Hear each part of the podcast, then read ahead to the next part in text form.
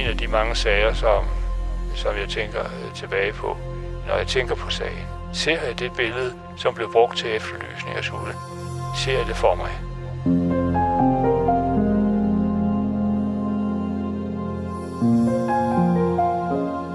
Hele Danmark gøs, og en storstilet eftersøgningsaktion gik i gang, da en blot 10-årig pige en fredag aften forsvandt sporløst. Denne podcast handler om bristet håb og enhver forældres mareridt. Men den handler også om et unikt efterforskningsarbejde og politiets samspil med beboere og presse, som til sidst fik gerningsmanden fældet.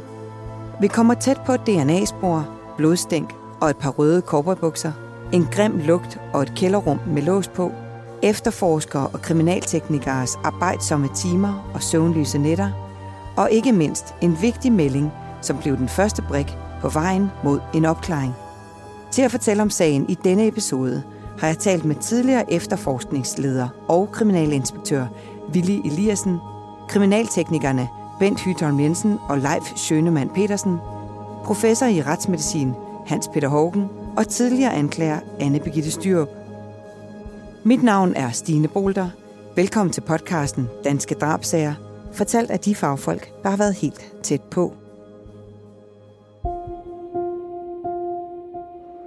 Det er en lun aften i maj måned, og pinsen står for døren. Beboerne i højhusene gør klar til en forlænget weekend med hygge, håndboldkamp i tv og fredagsslik. Den 10-årige pige vil gerne lige sælge et par lodsedler, inden familien skal hygge sig med en nybagt franskbrød kl. 21. Hun er iklædt en mørkegrå Spice Girls t-shirt, shorts og gule sandaler. Spinkel, bekymringsløs og med syv lodsedler i hånden smutter hun ud af døren. Men i aften bliver der ingen hygge. Ingen nybagt brød. Ingen dyner foran tv'et. For da hun lukker døren og går hjemmefra, ser hendes familie hende aldrig i live igen. Tidligt lørdag morgen blev der slået alarm til kriminalinspektør Willy Eliassen. Jeg var derhjemme. Min kone og jeg øh, var stået op, og, og så ringer den vagthavende, og så siger jeg spontant øh, til min kone, det her, det kan jeg ikke lide. Og det er jo øh, selvfølgelig erfaring, der siger, når, når øh, sådan en lille pige har været væk øh, natten over, så er det noget galt, øh, som, som ikke er almindeligt. Og det var det, som jeg gav udtryk for der. Og så det er jo også derfor, at vi, vi rykker, det skal vi selvfølgelig rykke ind, og vores politimester øh, rykkede også ud, og alle er simpelthen sat i gang lige med det samme. Vi valgte øh, faktisk samme dag, at øh, køre sagen som drabsag. Fordi havde det nu været en, en, en pige på, på 20 år, så havde vi nok vurderet det anderledes. Fordi øh, erfaringen viser, at de meget ofte dukker op. Men øh, øh den lille pige her, der forsvinder, øh, der er vi bange for med det samme, hvad der sker. Fordi vi havde fået et godt signalement af Susan. Vi havde talt med familien og havde et rigtig godt indtryk af familien. Det, som fremgår af en standardblanket, vi havde på det tidspunkt, hvor der er nogle foretrykte spørgsmål, som skal besvares for, at vi kan være sikre på, har vi der i anmeldelsesfasen husket at stille alle spørgsmålene. Og herunder der er, har Susan før været øh, bortgået øh, fra, fra hjemmet, og nej, det havde hun ikke. Så der var god grund til med det samme at sætte det store apparat øh, i gang, og det gjorde vi. Susans far havde forklaret, at datteren aldrig før var gået hjemmefra, og hos hendes bedste veninde var melding også, at hun ikke havde set Susan den aften. Kriminalinspektør Willy Eliassen kortlagde sammen med kollegaerne, hvor pigen havde været.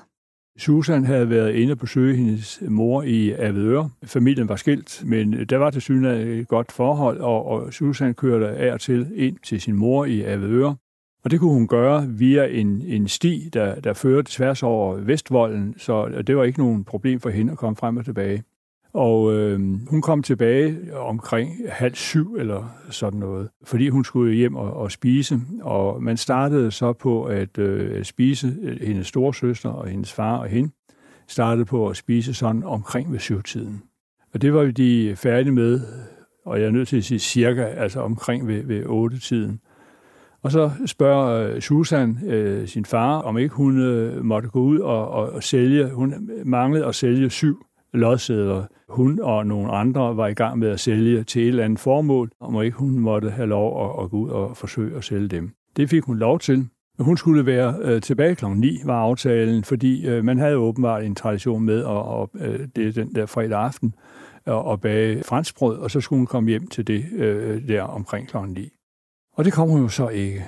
Man tror så, øh, søsteren og faren, da der er gået et stykke tid, bliver de urolige og øhm, øh, øh, ringer til klassekammeraterne og andre for at høre, er hun der? Det kunne jo godt være naturligt øh, for sådan en, en ung pige, 10 år. Øh, Susan Øre karakteriseret som en sød, venlig, imødekommende og snaksalig pige, øh, som gerne snakker med, med andre mennesker. Hun er en lille, spinkel pige. Hun kunne jo godt være droppet ind hos en, en veninde. Men ingen havde set hende. Senere samme aften cyklede pigens far rundt i kvarteret for at lede efter sin datter. Uden held. En større efterforskning blev sat i værk for at finde den lille pige, fortæller daværende kriminalinspektør Willy Eliassen. Det er ikke ualmindeligt, at unge mennesker udebliver fra deres hjem, men når det er en lille pige på 10 år, så er situationen anderledes, end hvis det havde været en ung pige på en 18-20 år. Og vagthavende øh, sætter det, han kunne gøre på det tidspunkt, sætter han i gang. Han kører personligt derned og får talt med, med faren og sætter eftersøgningen i gang så godt han kan. Men en, sådan en, en fredag aften og nat er det jo ikke de store styrker, han har at gøre godt med. Men han sætter de patruljer øh, ind, han har til at køre rundt i området, øh, og øh, han sætter også hundepatruljerne i. Men det er jo så, øh, selvom det er maj, øh, øh, juni måned, øh, og der er jo relativt lyst, så er der alligevel, øh, er man hæmmet af mørket. Politipatruljerne og politihundene undersøgte området nøje, men uden at finde hende. Området Susan boede i hedder Tranumparken og er en del af et større boligområde med etageejendomme i Brøndby Strand. Det fortæller Willy Eliassen om her. Hovedområdet øh, måler øh, sådan øh, slag på tasken øh, 6 kvadratkilometer mindst. Og det er afgrænset mod syd af jernbanen og mod nord. Dengang var der på nordsiden af, af hele det store byggeri, der var der nogle store grønne områder. Det er bygget til i dag, men på den nordligste side øh, går Køge Bugt motorvejen mod øst, altså derfra, hvor, ind, hvor, hvor hendes mor boede, er den begrænset af, øh, af Vestvolden, og, og så også øh, Amager Motorvejen. Og til den anden side, altså mod, mod vest, er, det, er området afgrænset af Ringvejen. Inde i det areal ligger der, jeg vil tro, der ligger en 10-12 højhuse på 15 etagers højde.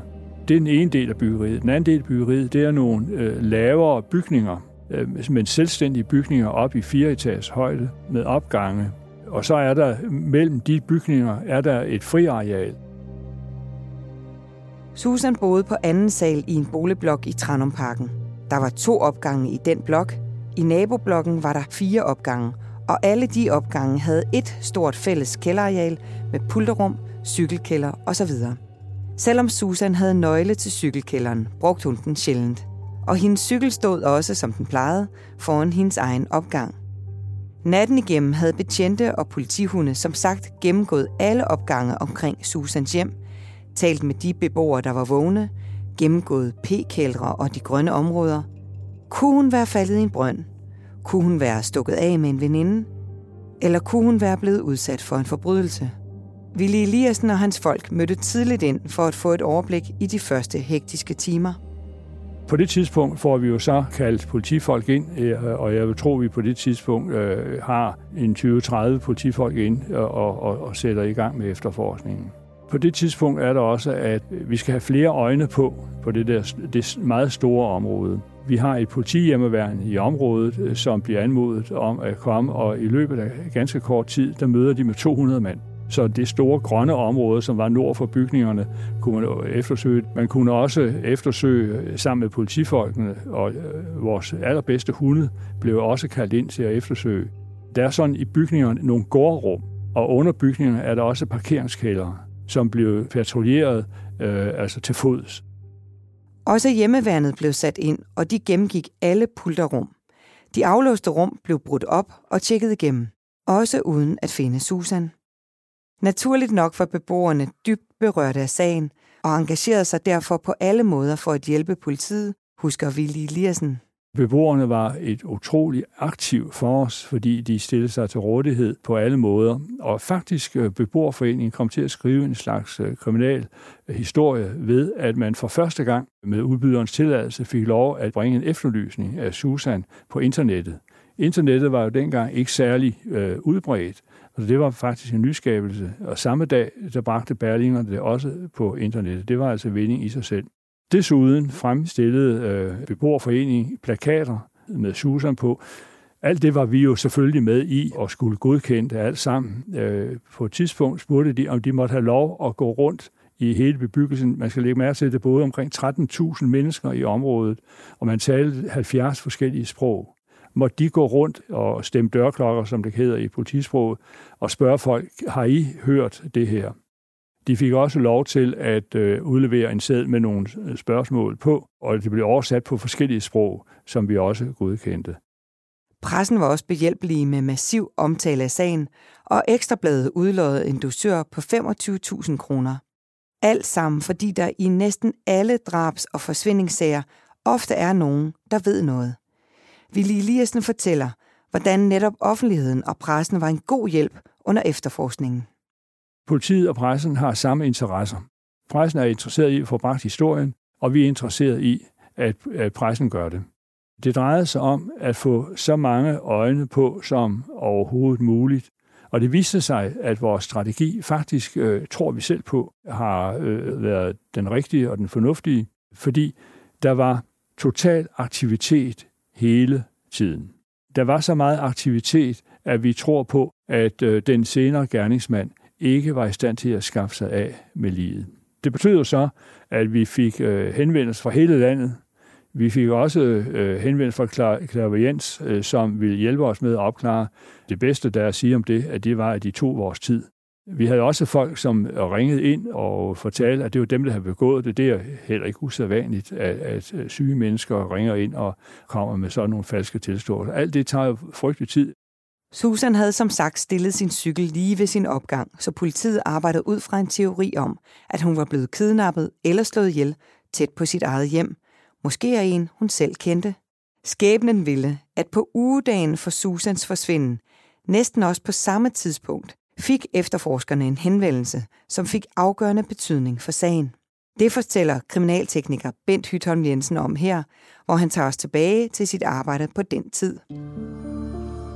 På daværende tidspunkt, der kørte jeg som øh, almindelig udrykningstekniker i Kriminalteknisk Center, det der i dag hedder National Kriminalteknisk Center. Og da vi hørte i pressen, vi fulgte jo med i pressen og hørte, at den her 10-årige pige, hun var forsvundet. Og efterhånden som dagene gik, så blev vi jo mere og mere bekymrede og, og begyndte at forberede os lidt på, hvad det, hvordan hun ville blive fundet. Vi håbede selvfølgelig på, at hun blev fundet i live. Men øh, på daværende tidspunkt, der var vi begyndt at arbejde efter et nyt koncept, hvor at man havde det, der hedder, i dag hedder en kriminalteknisk øh, gerningsstedskoordinator. En gerningsstedskoordinator, det er en uchasseret kollega, som har en del erfaring, og, øh, og som er vældig blandt kollegaerne osv. Han er, man kan sige, han er ledelsens forlængede arm. Øh, I dag der er ledelse i politiet, det er mere administrativt, end, end det er sådan, hvor man er, kommer ud på gerningsstederne. Men øh, vi forberedte os i hvert fald, og allerede inden at hun blev fundet, der havde vi udpeget et hold, som skulle være klar til at rykke ud, hvis jeg falder, eller hvornår hun blev fundet. Og det blev hun jo så øh, en aften, hvor vores hjemmevagt blev kaldt ud øh, til Brøndby, hvor at man havde fundet den her pige øh, nede i kælderen under en beboelsesejendom. Det var sådan, at øh, man jo havde søgt efter den her pige, både højt og lavt og alle steder. Og man havde blandt andet også været nede i den her kældergang på et tidspunkt, øh, jeg tror det var ugen før. Og der havde man bemærket, at det her kælderrum, hvor hun så nu blev fundet, at det havde været uaflåst. Øh, men der var så en beboer, som kom ned i kælderen og syntes, at der, der, der lugtede lidt besynderligt. Og han bemærkede så, at der var sat en hængelås på det her øh, kælderrum. Øh, han lagde sig så ned på knæ og kiggede ind, og så kunne han se noget, han, han syntes, der lignede en hånd. Og så blev man jo alarmeret. En af dem, som blev alarmeret, var kriminalinspektør Willy Eliassen. På det tidspunkt er livet faktisk ved at gå i, i forrådnelse. Og proceduren er, at vi øh, sagsbehandlerne, øh, som jo er mine folk, de skal holde sig væk fra det kælderrum. 6-8 kriminalteknikere blev straks sendt til Findested, og en af dem var Bent Hytholm Jensen.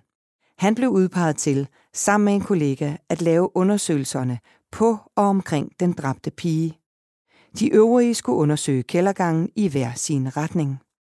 Det var jo en utrolig vigtig opgave. Man strammer sig virkelig an, og så tænker man, det her, det skal bare opklares, ikke? og vi skal bare finde de spor, der er der, altså, så vi kan få, få fundet gerningsmanden. Det, det, det er det, man tænker mest på.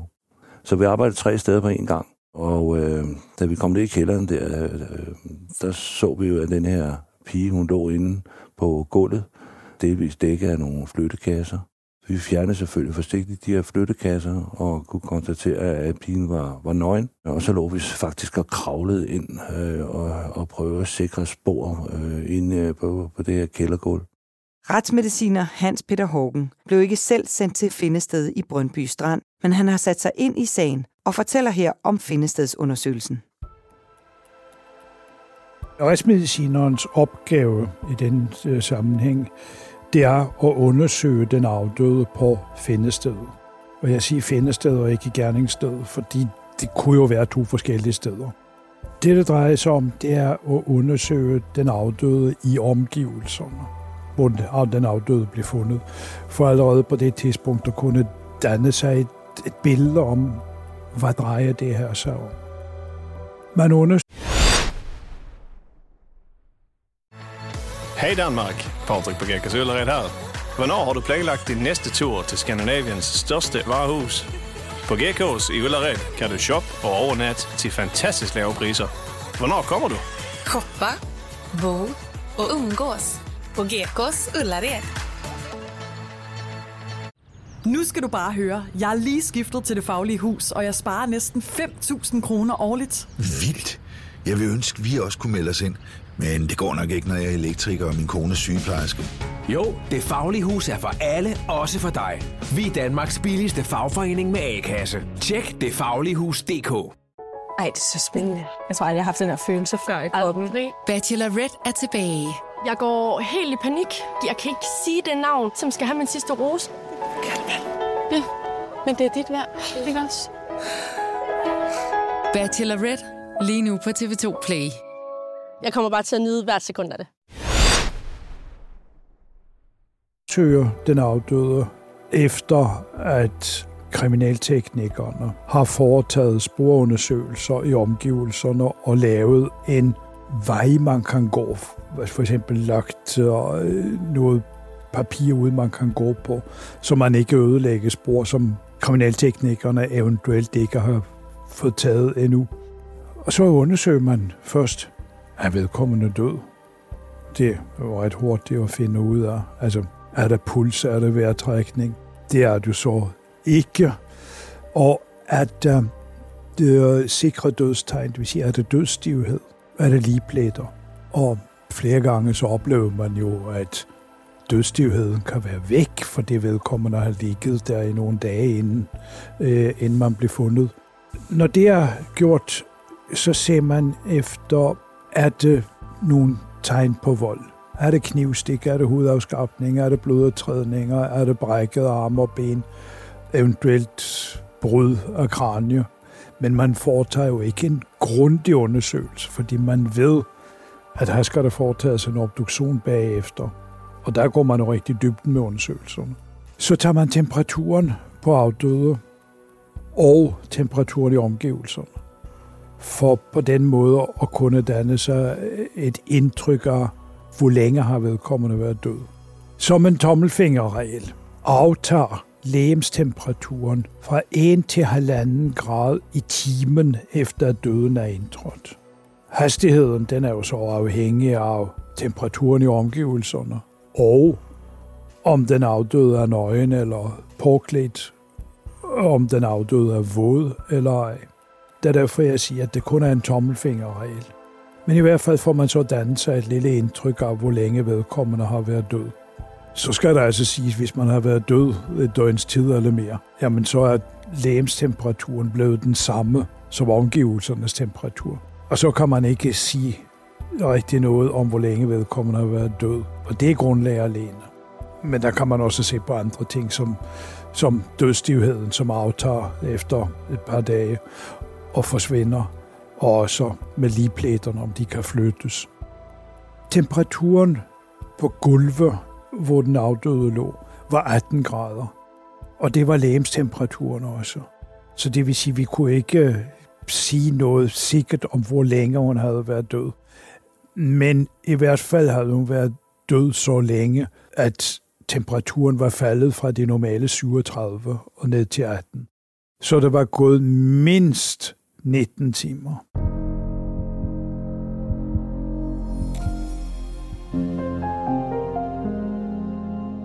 Glostrup politi havde som sagt rekvireret specialisterne fra kriminalteknisk afdeling, og en anden kriminaltekniker, som var en del af gerningsstedsgruppen, er Leif Sjønemann Petersen. Han er specialist i blodstænk og DNA, og han var på et af de to hold, som skulle undersøge kældergangen. Det ene hold fandt ikke noget af interesse, men det gjorde det team Leif var på, og det fortæller han her.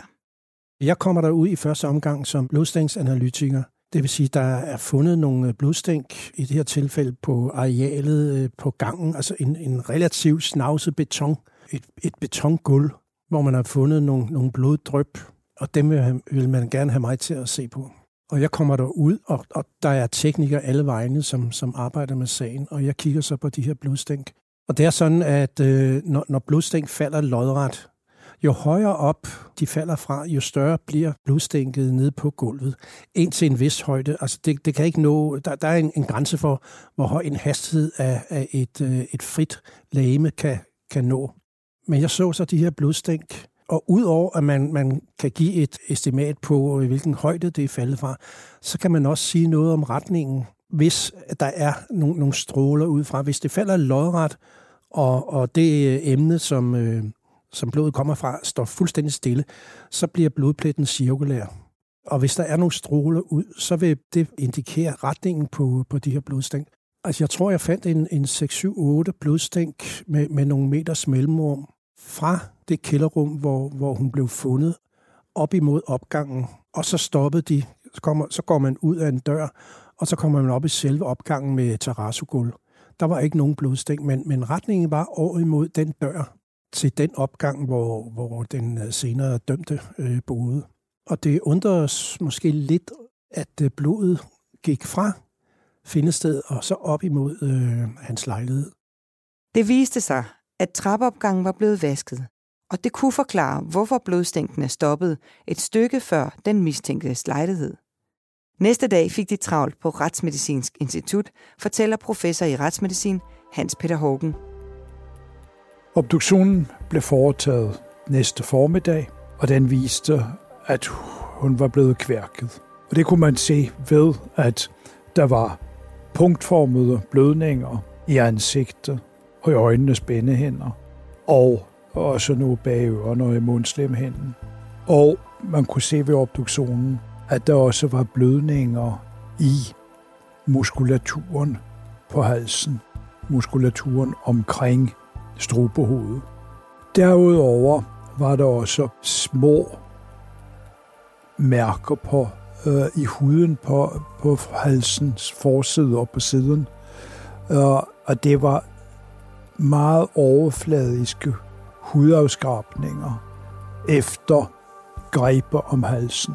Antageligvis fordi der har været nogle let bevægelser, som giver nu friktion mellem gerningsmandens hånd eller hænder og halsen, ved at man bevæger halsen under grebet.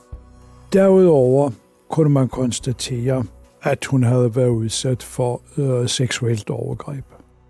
En af dem, der var med til obduktionen, var kriminaltekniker Bent Hytholm Jensen. Her fortæller han, hvordan det var at stå der. Det var da ubehageligt.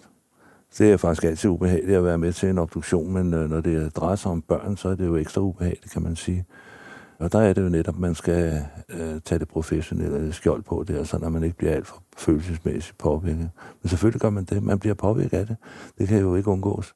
Specielt når man kan se, at pigen er blevet udsat for en seksuel forbrydelse.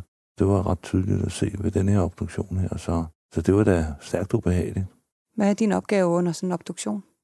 Opgaven for kriminalteknikerne ude på Retsmedicinsk Institut, det er at assistere retsmedicineren i forbindelse med obduktionen ved at dokumentere, altså man, øh, man fotograferer den afdøde. Lige så snart at vedkommende er kommet ind, så bliver vedkommende fotograferet. Nogle gange har dem, der bliver obduceret, de har jo beklædning på, når de kommer derud, og det vil så sige, så fotograferer man med beklædning, og så sikrer man spor på beklædning, hvis der er noget sikker, og så aftager man beklædningen, og så fotograferer man simpelthen hele forløbet igennem obduktionen efter anvisning fra retsmedicineren. Og så bruger retsmedicineren så de billeder, som vi har optaget i sin obduktionserklæring efterfølgende. Efterforskernes mistanke samlede sig omkring dem, der boede i de opgange omkring livet, i særdeleshed omkring de mænd, der boede der. Det fortæller efterforskningsleder Willy Eliassen. Kan gerningsmanden være her i de der to blokke, der, der hvor Susan boede, eller den anden blok, hvor det der kælderrum lå? Begyndte vi at tænke de tanker, at vi skulle nok have noget øh, frem på en eller anden måde.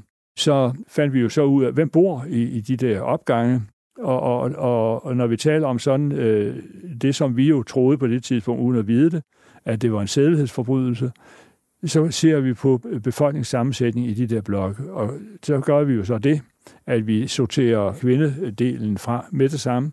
Vi kan også sortere nogen fra øh, gamle mænd, som, øh, som øh, vi, vi skønner. Der er ikke nogen stor sandsynlighed for, at det kan være ham. Men vi kiggede så også specielt efter enlige mænd, og der var en. Lugten er gennemtrængende og får det til at vende sig i maven på naboen. Faktisk har det stået på et par dage.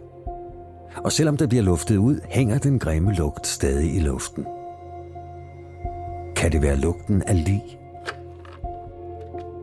Beboeren løfter røret på sin telefon og ringer til politiet for at slå alarm. I en uge har alle let efter den smilende 10-årige pige, som ikke kom hjem fredag aften.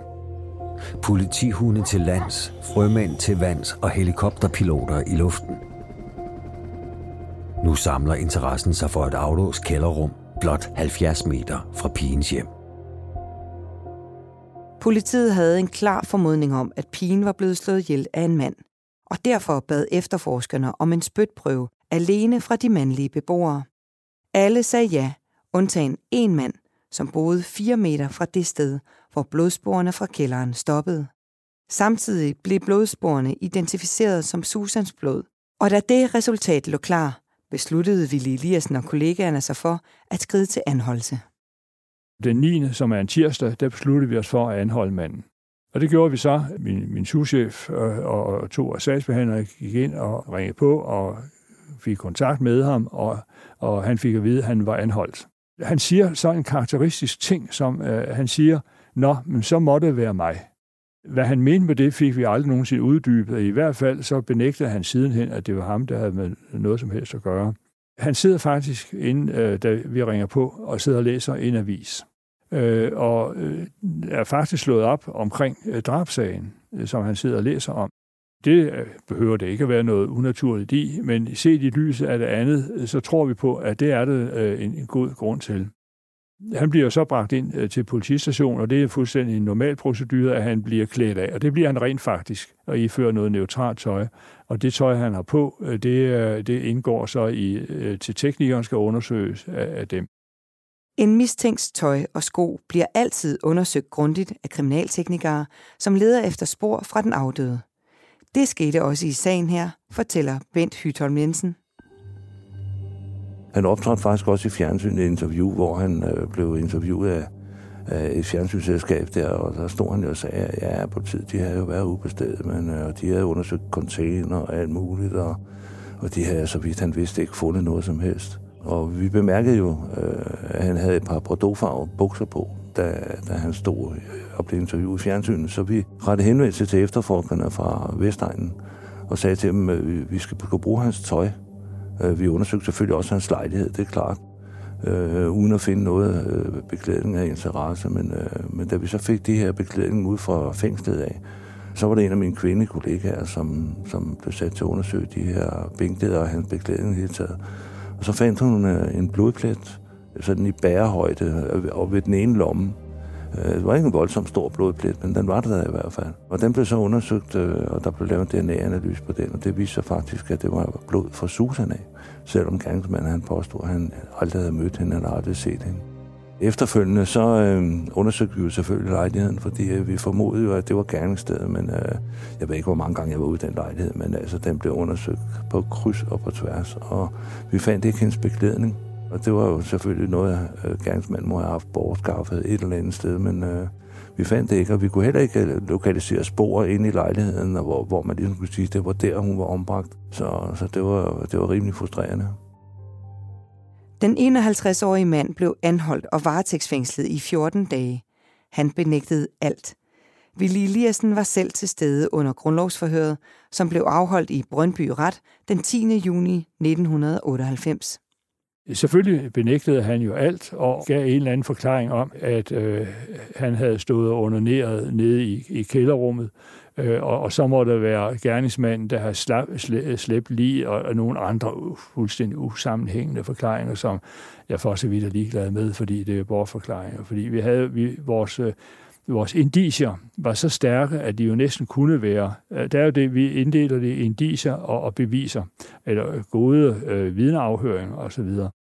Kriminalteknikernes undersøgelser fortsatte, og på badeværelset hos den varetægtsfængslede mand gjorde de nogle interessante jagttagelser, husker Willy Eliassen.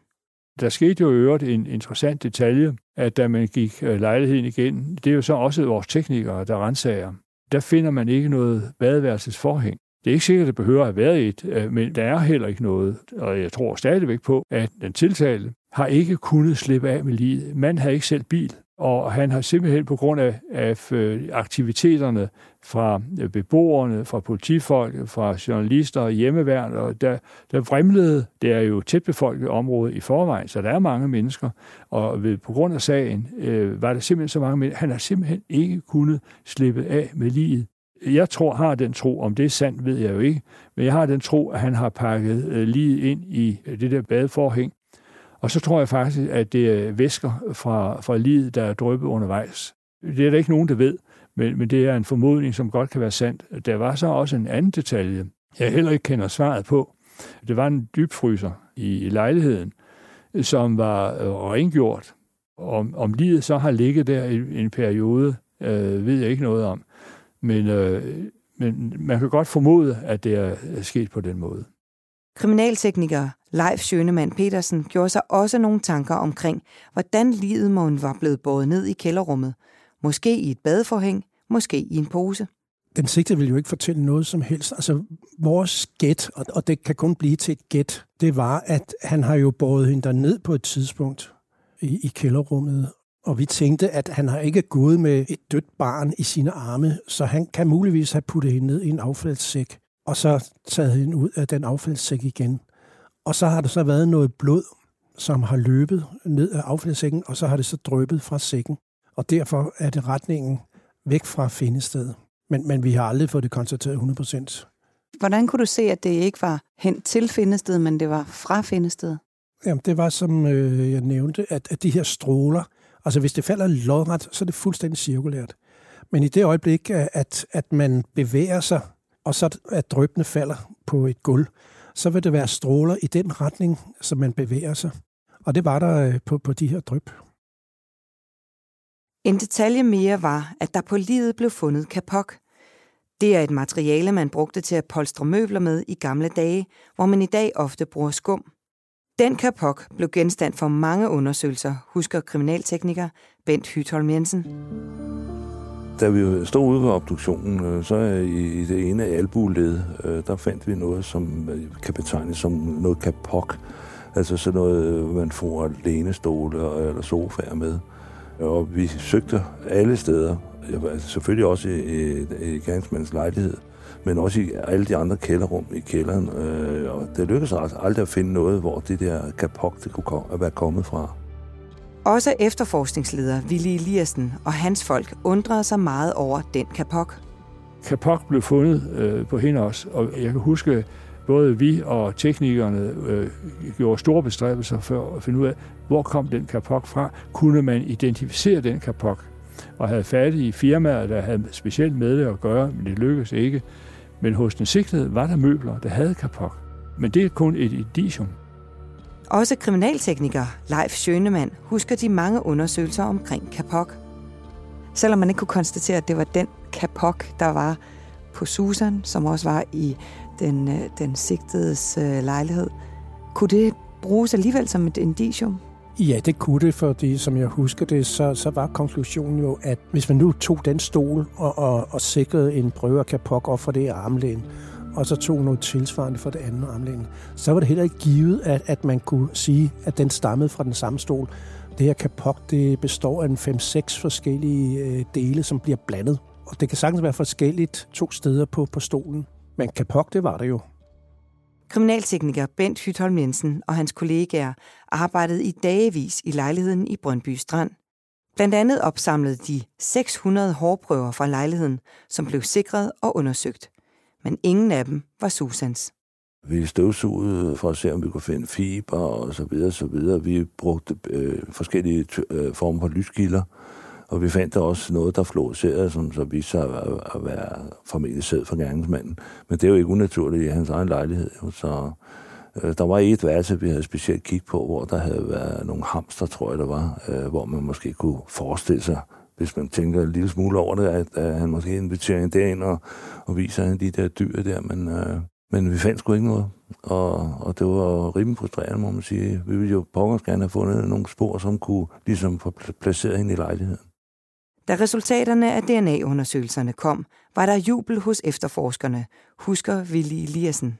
Vi blev meget glade, da vi oplevede at, at få at vide, at, at den var så sikker, som man overhovedet kunne. Der sker jo det, at øh, man som sagsbehandler bliver grebet af sådan en sag, og, og, og det er ikke uventet, at når det drejer sig som en lille øh, sød øh, pige som hende, af, af det man tænker, hvad med familien, der mister sit, sit lille barn, de frygtelige ting, som, øh, som de skal igennem.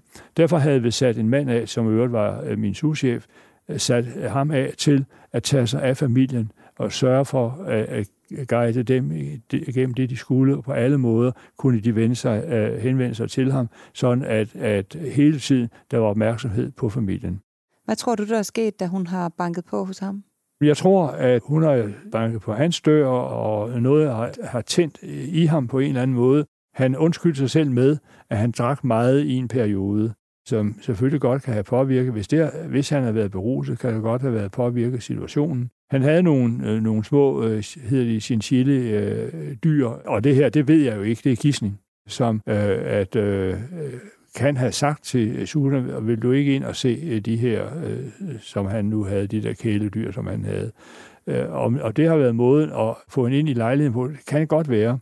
Øh, og, og da hun øh, var den pige, hun var, øh, åben og, og imødekommende og øh, gerne gav sig i snak med, med andre mennesker, øh, så har hun garanteret synes, at det var sjovt at gå ind. Hvordan det agtede at ske, aner ikke noget om det, øh, og som sagt heller ikke rigtig lyst til at tænke på det, men han har i hvert fald kværket hende og så forbrudt sig imod hende øh, sidenhen. Det er følgen, øh, som jeg ser det. Om det har været inspireret af hans øh, øh, børnepornografiske tilbøjeligheder, det kan let være. Øh, kan det have været forstærket af spiritus? Det kan let være, men det er igen gissninger, som jeg ikke ved noget om.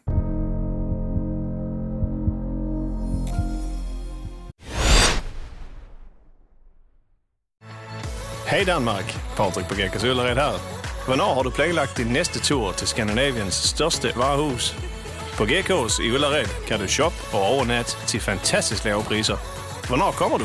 Shoppa, bo och umgås på Gekås Ullared.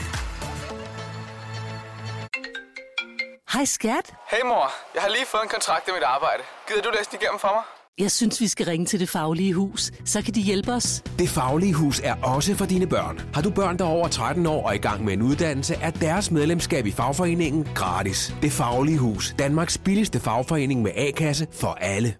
Ej, det er så spændende. Jeg tror aldrig, jeg har haft den her følelse før i kroppen. Bachelorette er tilbage. Jeg går helt i panik. Jeg kan ikke sige det navn, som skal have min sidste rose. Ja, men det er dit værd. Ikke også? Bachelorette, lige nu på TV2 Play. Jeg kommer bare til at nyde hvert sekund af det.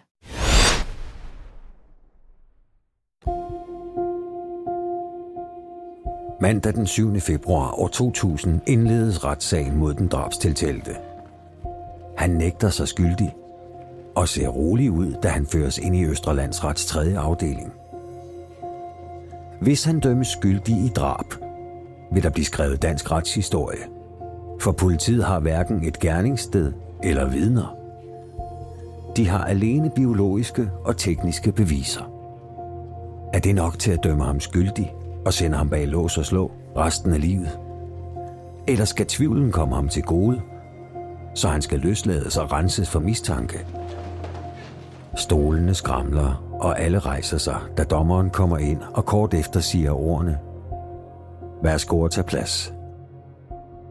Den drabstiltalte mand viste sig at være en enlig mand, som havde et godt, vellønnet natarbejde. I hans propfulde hjem fandt politiet mange effekter, men mest belastende var eksempler på børneporno. Selvom beviserne mod ham tårnede sig op, erkendte han aldrig drabet på Susan. Da sagen kom for retten i februar 2000, forsøgte han at forklare, at hans sperm måtte være kommet på livet, fordi han havde onaneret på nogle papkasser i det kælderrum, hvor hun senere blev fundet. Sagen vagte stor opsigt, da det var den første af sin art herhjemme, hvor tekniske og biologiske spor, især DNA, skulle løfte en stor del af beviserne og indicierne. En af dem, der fulgte meget med i retssagen, var anklager Anne Begitte Styrup. Grunden til, at vi interesserede så meget for den, er jo, fordi det var stadigvæk en af de meget tydelige sager, som primært øh, handlede om DNA-spor. Fordi man kan sige, at det var jo sådan set det, der fældede gerningsmanden. Den overvældende, altså ind til en million på den sæd, og så en forkast, som jo heller ikke blev bestridt, kan man sige, af forsvaren. Det blev ikke bestridt af det der sandhedsværdien af DNA'en, og derfor er der jo også en forklaring på, hvordan kan han sæd være ind i det kælderrum.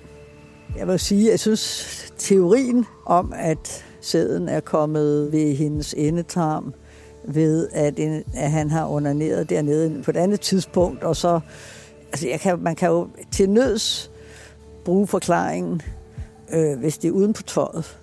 Men altså, hvordan det kan være kommet til at være det sted, øh, ved kønsorganerne, det vil jeg sige, altså det, det, det tror jeg, at nævningen har sagt, at det, nu må, det må han altså længere ud på landet med.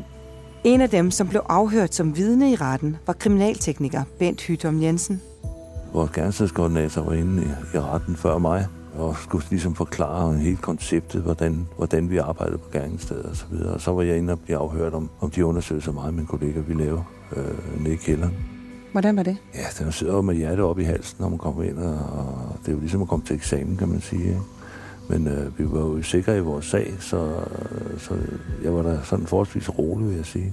Og der så du så gerningsmanden. Hvordan var det? Øh, ja, altså det, det, det sagde mig ikke rigtig noget, det må jeg da sige. Det, det gjorde det faktisk ikke. Jeg havde jo set nogle videoer af de afhører, der var foretaget af ham, så jeg vidste jo godt, hvordan han så ud. En anden, som også skulle vidne i retten, var kriminaltekniker Leif Schønemann Petersen.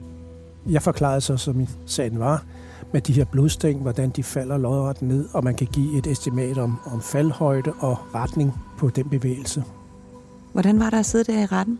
Jamen, det var okay. Altså, det har jeg jo prøvet mange gange, og man, jeg sad jo øh, tre meter fra, fra den sigtede.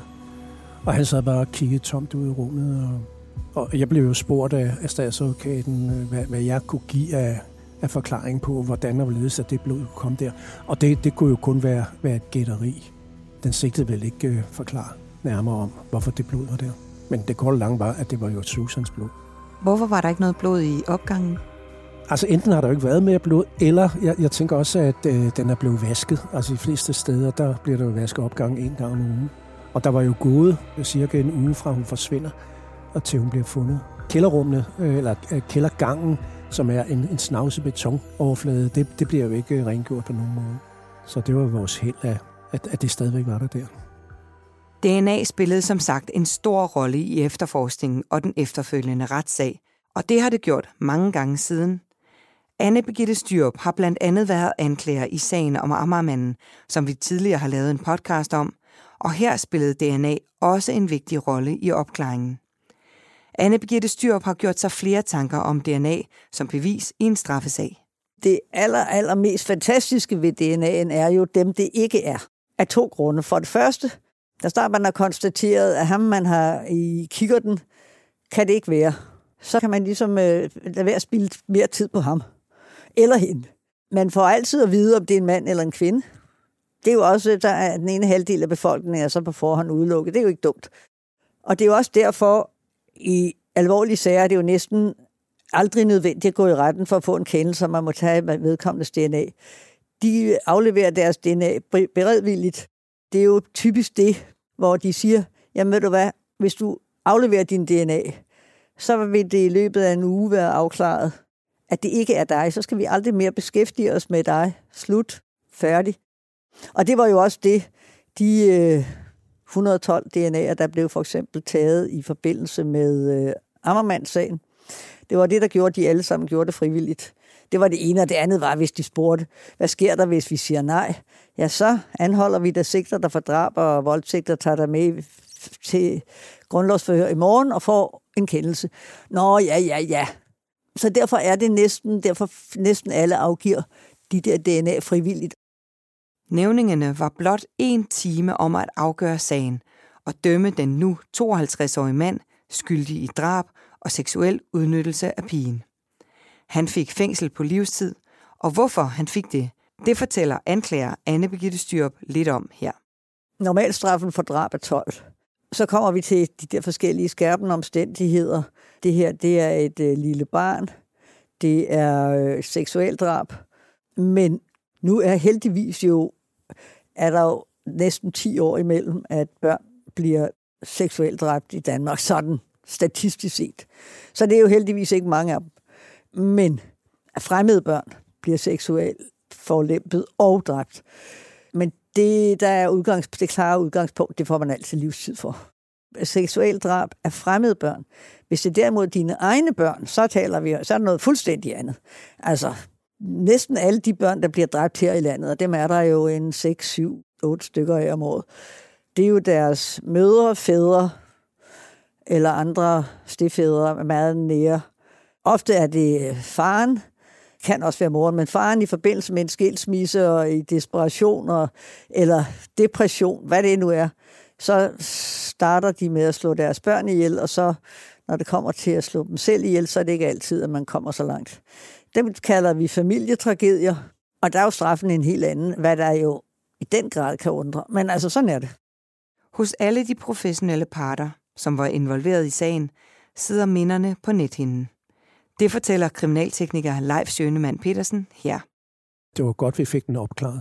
Det havde været frygteligt for familien og, og kan man sige, for hele samfundet, hvis øh, en person, der har kunne begå sådan øh, et drab, skulle gå, gå frit rundt. Så på den måde var jeg tilfreds med, med resultatet, men, men øh, selve sagen er jo frygtelig.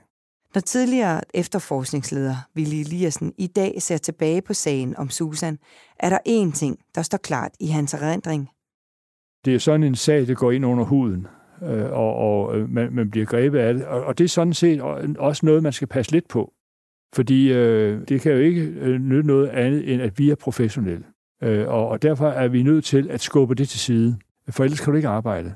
Hvis en retsmediciner hver eneste gang, han skal obducere, øh, skal, øh, skal igennem et eller andet følelsesregister, det kan han jo selvfølgelig ikke øh, holde ud. Det kan vi jo heller ikke som politifolk. Det kan pressefolk nu heller ikke, selvom man bliver revet med og synes, det var øh, noget værre noget, det her. Man er nødt til at forholde sig til, du har altså lige et arbejde, der skal udføres her. Jeg synes virkelig, at jeg var meget imponeret af mine folk, fordi de brugte voldsomt mange timer. Pinsen, øh, øh, den kom jo lige kort efter. Fik de pinse? Nej, det gjorde de ikke. Det, de kunne øh, gøre, det var at komme hjem og få en ny skjort på og en madpakke, og så komme på igen. Mit største problem med dem var, det var at få dem hjem. Fordi de ville knokle, og de knoklede som besatte, øh, og, og gjorde det, som sagt, vældig godt. Det var mit største problem, fordi jeg er nødt til at se på som efterforskningsleder, at de kan holde til at stå distancen i mange, mange timer og mange dage. Fordi øh, nu synes jeg egentlig, at vi var vi klarede det på godt en uge, øh, hvor vi så fik fængslet øh, den sigtede. Men tænk, hvis vi skulle have kørt en måned. Men den offervilje, som øh, folkene de udviste, øh, gjorde jo altså, at, at jeg var nødt til at være lidt hård ved dem og sige, kan du så komme hjem? Når jeg se øjnene begyndte at hænge nede på kinderne og sådan noget, og, og, øh, og vi havde jo alle sammen godt af at komme hjem og få en ren skjort på en gang imellem. for, for at kunne holde ud og være sammen. Det var en opgave i sig selv. Det er en af de mange sager, som, som jeg tænker øh, tilbage på. Det skal ikke lyde hverken rørstrøms eller noget som helst, men faktisk ser jeg det billede, som blev brugt til efterlysning af Susan, ser jeg det for mig, øh, når jeg tænker på sagen. Så er det hende, jeg tænker på, og hvad der skete der. Så men, øh, jeg kan ikke bruge det til noget.